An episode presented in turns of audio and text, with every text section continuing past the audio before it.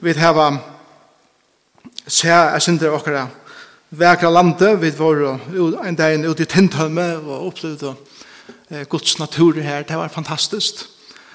Og jeg særlig opplevelse for meg var at sykla inn i det som er hedle av vautene som man kallar for munkastova.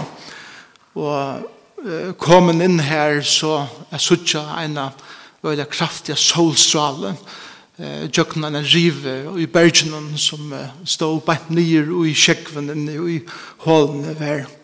Eh fantastisk upplevelse för mig alltså tjän ehm solen berga nyer han där in och eh, solen stod i kletten eller i bergen och det också om det att uh, tar man hickar att eh, akkurat land så vet man sett ikke hva at gonger eh, innanfyr hese luttli hettlene og skårene som, som vi kanskje flere ångkande her sett enn hele tiden.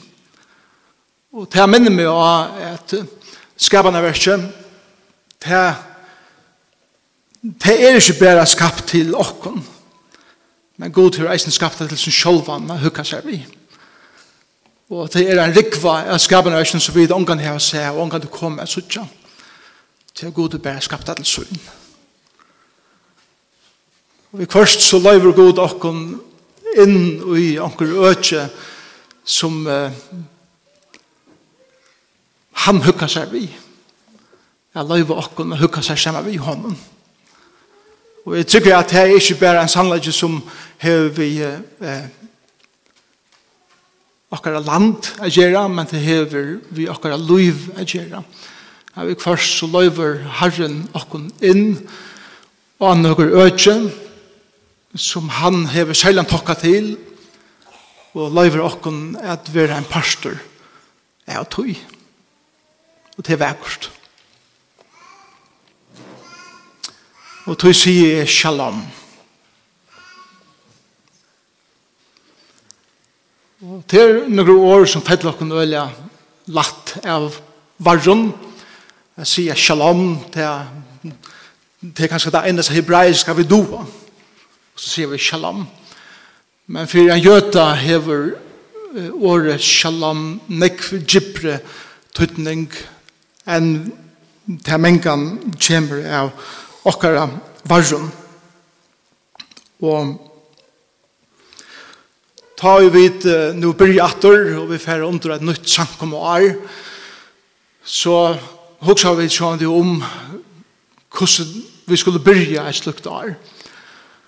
Og eg haldi at ein góð mat at byrja et slukt år på er nemlig at hitja er at noen av karakteren Guds, Kva det er som jeg kjenner han, som vi kunne tega vi okken inn i den sankum i året. Og tøy færre vi at hitja og det er at Guds frie, Guds shalom. Og nasa sundag er at hitja det her er god Han er alltid meir enn vi kunne hugsa okkur. Og så er det tåsa om uh, god som okkar leier. At vi, vi genga ikkje okkar loiv, vi genga ikkje okkar sankum loiv eh, blind, utan verkan leier. Vi først føles det så, men han leier okkur. Vi først leier okkur, okkur ut og i økjes hva det føles som om at leier er ferdig men han er alltid her. Og så er det også den sørste, den seneste leierdagen, nei, sundagen, um, og i hese målen om god som okkar frelsar. Det er ultimativa som han innskjer i okkar løyve, til er at bjør okkar inn i et evig samfleve seg sjálfa. Det er vi akkur som grunderleg for en til månen, at han er evnen som vi får hitje etter, så vi kunne heva til a bytja og akkar visjoner for resten av hesen sankum og i 2014 og 2015. Vi er 13 år tid. Vi er i ringkassa aldri. Tannåringar, og nu, nu kommer det ut i det her. Så vi er veldig bruk for Guds shalom. Men spørningen er, hva er shalom? Hva er frigjør? hvis, jeg, hvis vi hadde spurt en arabiska mamma som bor i Gaza og i det som uh, røyner i morgen at gjør henne i bøtten om morgenmett så har hun sett en spurning vi shalom. Etla vi fra iver og marsje til Israel og hadde spurt familjenar som uh, i morgen gjør det samme som familjenar hinne med marsje som tar israelene for gang må renne inn i bombeskolene der de ser det spurning vi Guds shalom vi kunne fære Estor til uh, til russiska folket og vi kunne spørst hvordan de som er kruksherre i bant nå føler fri og vi det finnes søve at den har søve om fri løse og øtta fire ofrie som reker djupt inn i tæra løyv. vi kunne eisen spørst akkurat brøver og systrar i Irak ved det som var hala i uder som heimann ut av marskina, hver 1500 kristen, ungen spurninger under mever, eller kona, eller under bøten, vi er plaffa i nyer, ein og ein, og vi kunne spørst hei hver er Guds shalom i tunnløyve, og det hadde kanskje sagt, vi vet ikke hver Guds shalom er.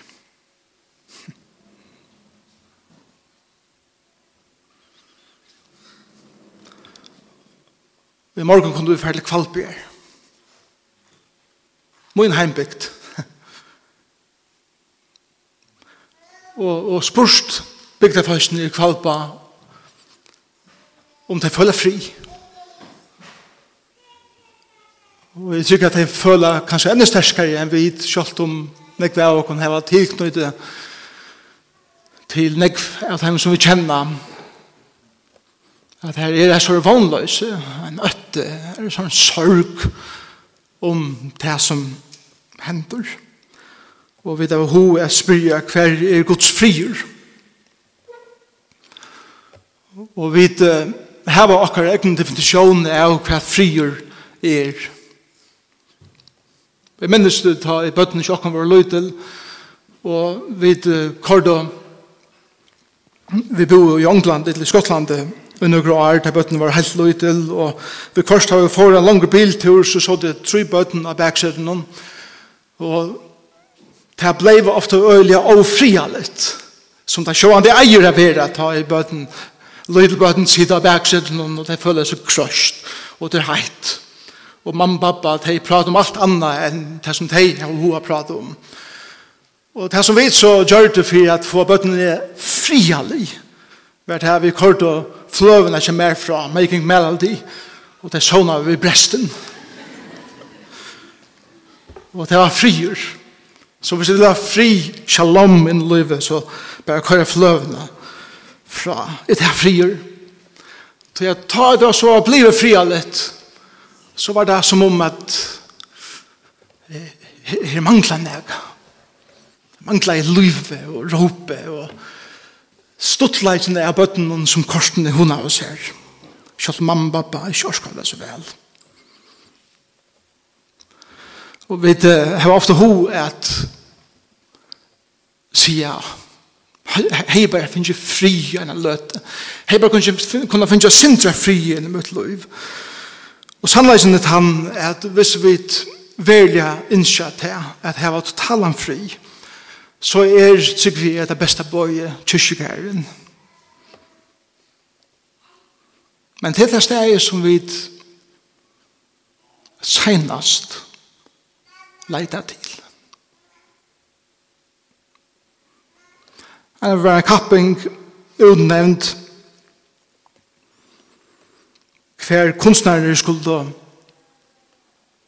mala konseptet shalom. Shalom og som lista folk kom saman og det hadde gjørst sina målningar så hei anker mala et fantastisk holdseder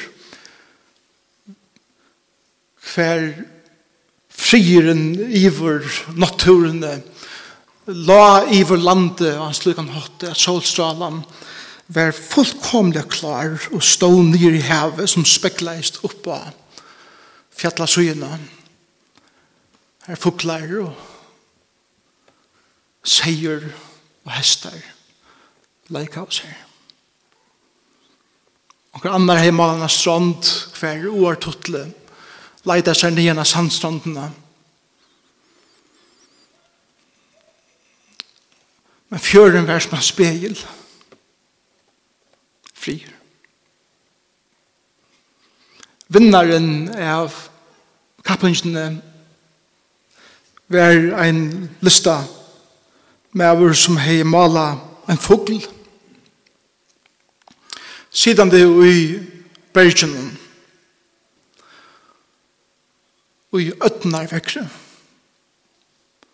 undra en fosse som får størstande nyer i fjallasøyene kævar og vær, og vinteren stod i kletten. Og einast han er kjøpt inne i en luttler i hålet. Se at henne mamma vid sin ungen og helt om det.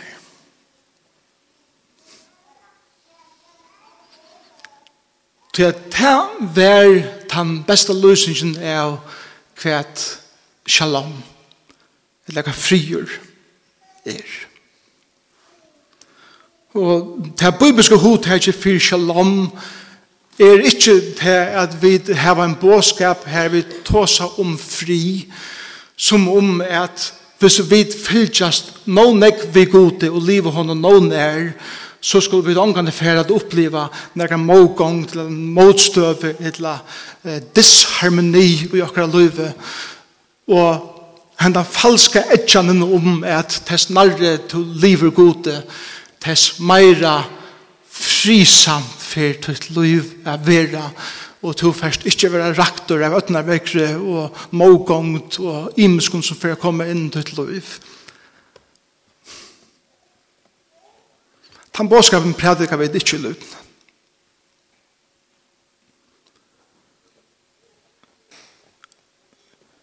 vi prædikar en bådskap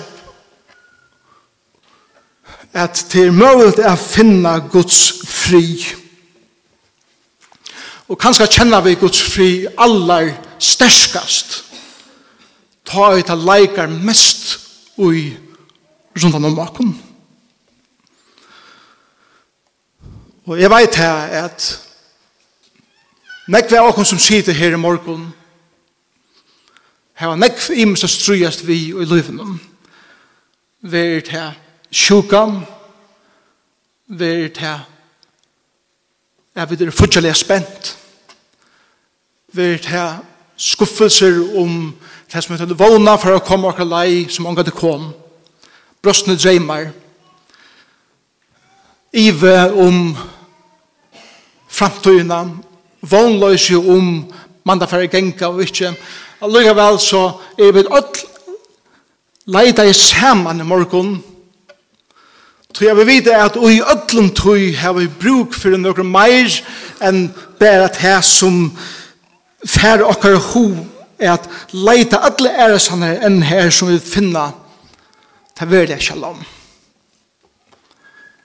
Hver god innskyr er at djeva okkon enn er kvult enn er løyve mitt i ødna at læra kvile i at han er skipare og han styrer og at han kommer til okkara akkurat ut han omstånd som vi har bruk for i hånden at djeva okkur nega som øyla ofte ikke kan forklarast vi i åren og i stedet for jeg sier at vi var spurt hvordan hever det og i stedet for jeg sier at det gonger finnes et slag så er det ok, tjokken at hittin andre dukvarnøren og sier at etter omstånden så gonger det ok, som ting kunne være bedre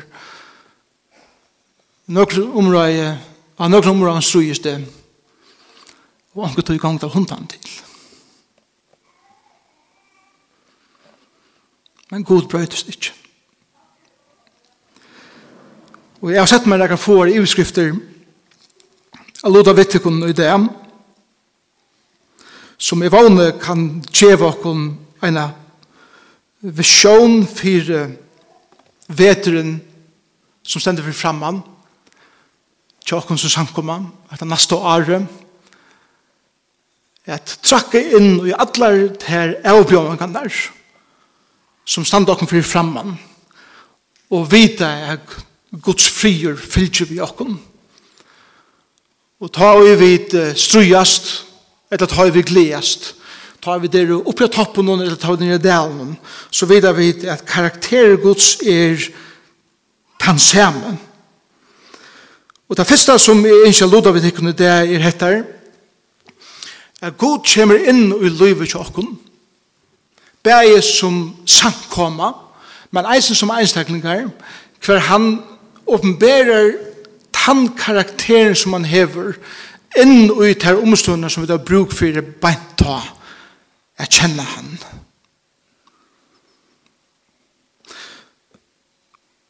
Og i if jeg stod på noen vers til, til kunne gjerne følge vi hvis det har bøyblene av vi. I domar noen kapittel 6 brukar god et uttrykk om seg sjølvan som god friarens. Og det som er av verset i sin kapitlen er til at Gideon, han sitter i omstående løyven om hver han er fullkomlig mist måte, eller han er fer vi har missa måte, tog at landet er fattelig, og i så utrolig vantrykk, og i ålevna, og i at ha vent gode bætje, og av gode diskan, og alle stingene som ikke er det ikke er gods folk. Og her sitter Gideon. Og ein åpenberer seg noen Og i vers 22 i kapittel 6 leser vi hese versene, eller så årene. Gideon skilte nu at det hei veri angel herrans som tå seg vi han. Og han sier, Veimer, herre, herre, jeg har jo se angel herrans anleit til anleit. Men herre sier vi han, Shalom. Shalom frier ver vi ter øttast ikkje du skal ikke dødja ta røste Gideon herran om altar og kalla i det Jehova Shalom. Herren er frier og til det første som vi da bruk for å lære eh, vi vetur til hettar at det som er så spennende vi samkommer og det som er så spennende vi løyvene sammen vi gode, er det at alt etter hver okkar omstøver er, åpenberer god sin karakter fyrir tær og fyrir okkar som sankum Som av okkar som er i her, det har velja bruk for å kjenne Guds shalom. Andre har bruk for å kjenne Guds grøying, Ånder har bruk for å kjenne Guds frelse. Ånder har bruk for å kjenne Guds nøye. Ånder har bruk for å kjenne Guds heilaleika. Vi har bruk for her som vi er alene, er god åpenbære okken fire, åpenbære se fire okken, akkurat her som vi har bruk for honom. Og for noen av okken, åpenbære god se som shalom. Tog at alt rundt om okken tidsis så kaotisk og så frilest. Og god djevert her og mer fri. Hva det er shalom? Hva det er gods frier? For det første er det frier vi god. Rombra 5, 1 sier, Rattviskjørt vi trygg her vi nu fri vi god. Og god shalom er for det første til at jeg og to har bruk for at ha fri vi god. Det er å si det samme som at vi som mennesker som er født som syndere er jo i futsenskapet vi god. Og han sender sin son for å få fri og i læ i middelen okken og se. Og Og fyrir er kunna kjenna Guds shalom. Fyrir er kunna kjenna Guds fri inn i okra loiv. Må vi ha fri vi god. Vi ørnar vi må gå kjenna til at vi er jo futsinskapet vi han og koma til han og bia han om fri og be han frelse okken. Til det første grunderleie for Guds shalom er til at du kjenner Jesus Kristus som tøyn frelsere. Og er står inne her i det, og du kjenner innast inne i hjertan at du ikke har fri vi god, så kommer du omgående å finne en jobb av fri i livet til at det mest grunnleggende er ikke på plass. Det er god rett for skjer til. God gjør til rattan. God gjør til og i stand til å standa framme for særa enn det. Og si at jeg gav mitt liv til Jesus som gjør det med rattvisan vid trygg og se, og jeg finner fri og ille inn utan futtjenskapen som vi er mitt nok til det første grunnleie for frie Frier er meir enn bæra jeg slipper av i futsinskap. Frier shalom hever vi er bliva heiler a gjerra. Det er at du er godt hega til det er bråte menneska som har bruk for å være sett saman atter, som har bruk for å finne djupan andalian fri, djupan salar fri, å finne fri vid de som er livet saman vid, de som er arbeid saman vid, de som er ferie saman vid, og i livet noen fri vi skapande verset, fri vi munnar omstående og omme, er at livet i harmoni vi til. Da sier Paulus i Filippe Braun kapitel 4, Da han hikker er at noen er ofrien som er inne i løyvene tjaken, Her sier han så leis. Stor i ånken fire, Filippra 4, vers 6, sier så leis, Stor i ånken 4, nei, nei let i ødelen til som det innskja, komma fram fyrir god i avkallan og bøn vi tøkk. Hatt det lagt å si sige, Stor i ånken 4, Stor i ånken 4, nei let i ødelen til som det innskja. Vi leser verset ofta så leis, Stor i ødelen 4, og let i ånken til som det innskja. Men det er mer østlide av hesten her er koma til god. Østlide verer, så skal frigjør Guds. Altså Guds shalom. Er god som er inn er gjerra til heilan. Som styr opp om alt vid verva det gjørste og hoksan tikkara og i Kristi Jesu. Det som om er at Paulus sier at proportionellt til til et samfunn vi god, proportionellt til til en ivergjeving til god, for Guds frier er kommet inn i ditt liv. Er du ut her rævlig etla?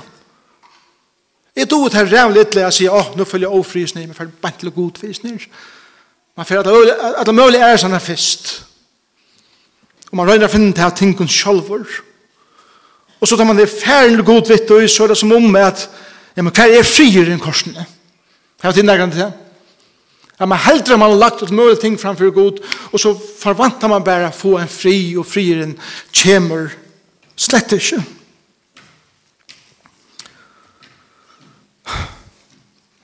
Han sier såleis at uh, hessen frieren som, som han snakkar om her beint, er ikke en frier som vi hele tiden kunne snakke om og er vi føler til at hessen frieren er så utrolig personlig. En, en, en person som er til arbeids, mulig som er en sekretær av arbeidsplass, eller som sender vi en maskin av en øren arbeidsplass, eller sitter av en skrivstål og, og en kontor, eller hver det så er. Og kommer inn i et eller annet hver ofri og kommer inn til han frieren som tog fast fra godet til løtene. Tog først sekretærfri. Tog fast arbeidsmann fri fra gode. Du fasta proportionellt til den ofrien som du kjenner. Og tøy hugsi jeg om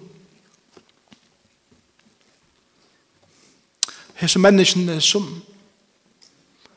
standa opp på raderekke i Irak og vera skåten for sånne trygg på Jesus. Og om jeg spørst hei Føl til Guds shalom. Ta du veist at morgen vil du ever at oss.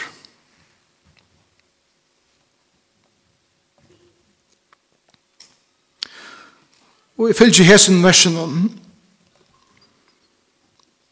så kanskje høyde hese falskene sagt det er en fire jeg kjenner en øyne ofri.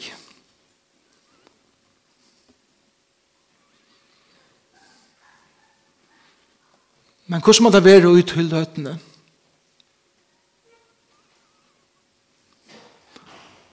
Ta ut og stender i situasjonene. Og nå skal det hende.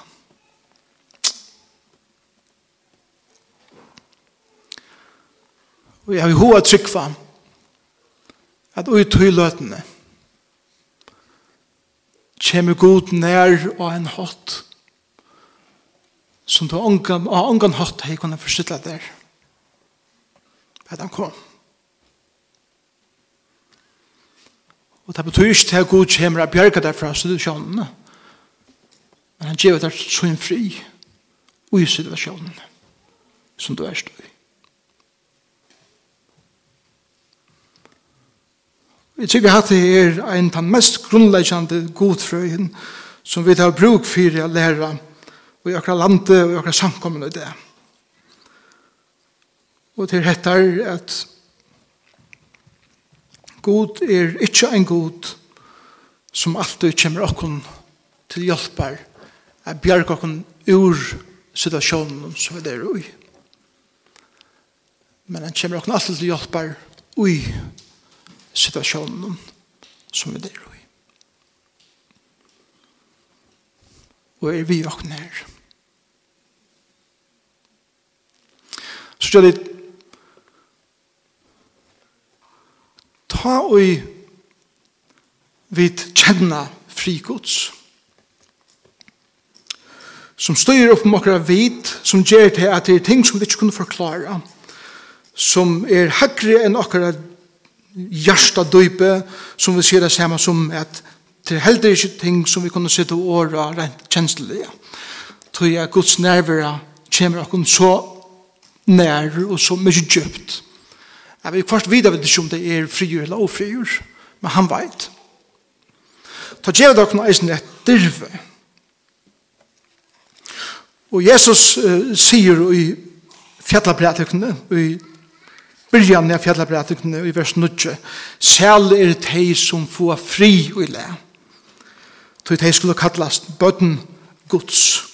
Det er som om at Jesus sier her beint at eit av største dyrve som menneskene har bruk for er at tåre at liva et liv som er pura annerledes enn det som vi definerer eh, livet men kan være. Og til at tåre at liva til livet som Jesus har sett okken som minster til okken at livet som er mengan fullkomlig og imot det som okker samfunnet lærer som mengan er imot det som okker samkommer lærer hva frigjør er. Særlig de som får fri uile, og er får fri uile er noe som er aktivt. Ofta føler man fri som noe som er passivt, at det kommer bare iver med, og det kommer pura roljan, og det kommer bare som er pura slapp i av, men faktisk, faktisk gjør han frier med aktivan. Og han fer meg i gang til at tåre at trakke inn i noen omstøver i løyven som gjør meg til en kruksmann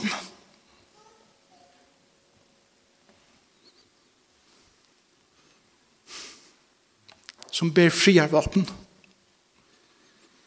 Og som fer inn i herra situasjoner og i løvnen vi tog fri eia at få fri inn i krutje som er. Det er det samme som at ta og i herrast leikar av og i okkar andalega bardeia. Og hinn øndes heder pylar av, til senderpyler av iva inn i okkara trygg. Senderpyler av iva inn i trunna på okkara forhold vi kvann annan. Senderpyler av iva inn i einleikan som er i samkomne. Senderpyler av iva inn i aliden som heva av kvann annan som mennesker så skulle vi ikke bare si at det kunne vi ikke gjøre når vi at det er bare så til verre. men det er å gjøre en aktiv affære og i krutsk i måter svik og alle budgetelsens Det er å gjøre til at ta og i Satan sender sånne iva pylar innom mitt liv og minne trygg er jeg færre og i krutsi måte tog. Ta og i Satan sender sånne pylar inn i sankumna hverandre hoa bråda einleikan færre vid og i krutsi fyrir verja einleikan. Ta og i Satan kommer inn i okre familjer og røyne at splitt okre sundur. Ta er friar mavren og friar konan en personer som fyrir og i krutsi vi tog fri eie er få fri og lea. Frigjør krever dyrve. Det er aktivt. Og vi tårer at reise oss tale inn i situasjonen, bære oss egna løyve, og eisne inn i løyve og i samkommende. Det er en løyvstøyler som krever dyrve. Og til tog Jesus sier, de skulle kallas bøtten gods, tog er at at sødja fri er et urslit av å være baden gods. Og at sødja fri er et urslit som gjør meg til en aktivan friar kruksmann som Jesus er okkara friar konkur eller friar høvdingen som Esaias kallar han. Og så skal det komme til endan og jeg skal lese et vers som sjoldan vil lise og Og det er i Jakobsbraun om kapittel 3, vers 18, som sier så leis. Og avvøkster rattvisenar verur i frie så over teimen som få fri og i le. Det er fantastisk vers. Og at det lønnen som aktiva aktiva bardein mot eh eller fire frie djever, og det er avvøkster rattvøysen der. Verer i frie soa ur teimen som får fri og le. Så sånn som vi ganger rundt og søkja fri og soa fri. Så er det som at Jakob sier, så rundt om okken verur rattvøyse soa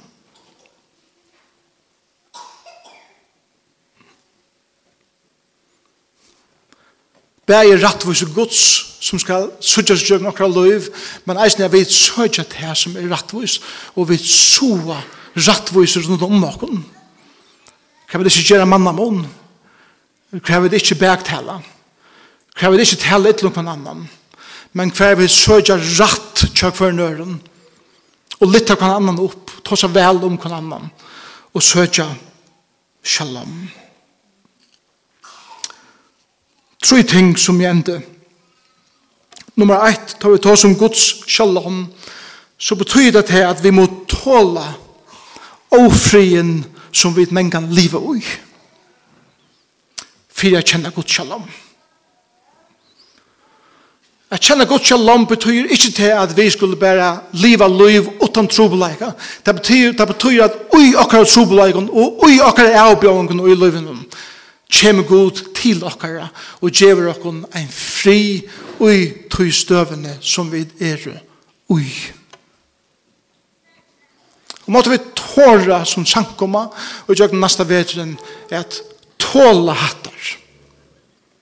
At tåla ofri at tåla mågångt at tåla iva at tåla spurningar. At tåla vera osamt at tåla av vi først tala inn i livet til kvinneren, men at vite at enda målet vi tog er at vi blå heil, at vi blå ærlig, at vi blå åpen om hva vi vet er som mennesker. Det er Guds shalom. Nummer tvei er vi tåra er krutsjast om fri. Er du vet at vi tåra for krutsj, at vi tårer at asane at vi er i en bardeie. At vi tårer at asane at vi har en futsjenda som stjeler og renner og vil drepa. Og vi leder okken ui herklægene som gjør okken til strusmenn og struskvinner fyrir Guds frihet. Bæði og i okkar egnu nøyvun, og i okkar tjunabondun, og i okkar familjun, og i okkar sankumme, og okkar arbeidsplosse, og i okkar samfela. Jeg vil tåra krutjast fri. Og så gjerne, fyrir det tria, jeg tåra at tåsa shalom inn i løyve, tjekk for nør. Fyrst at tåla, så gjerne at tåra, og så gjerne at tåsa, Guds shalom inn i løyve, tjekk for nør øren. At innskja kvarne øren Guds shalom. At innskja kvarne øren er bliva heil. At innskja kvarne øren er liva i harmoni. At innskja kvarne øren er vera i harmoni vi alt det disharmoniska noen om noen ultimativt alt det som god har skapt. En avviring for alt som god har sett sitt fingre med sjåa vidan det enn det. Skulle vi søtja han anleit til anleit, som Gideon hendan det, sa anleit til anleit, og ikke døy. Og han reiste her en vera om er god er frier, og måtte være så løs at vi ikke gløyma at her verar, som vi bytja, tar vi oppliva Guds fri.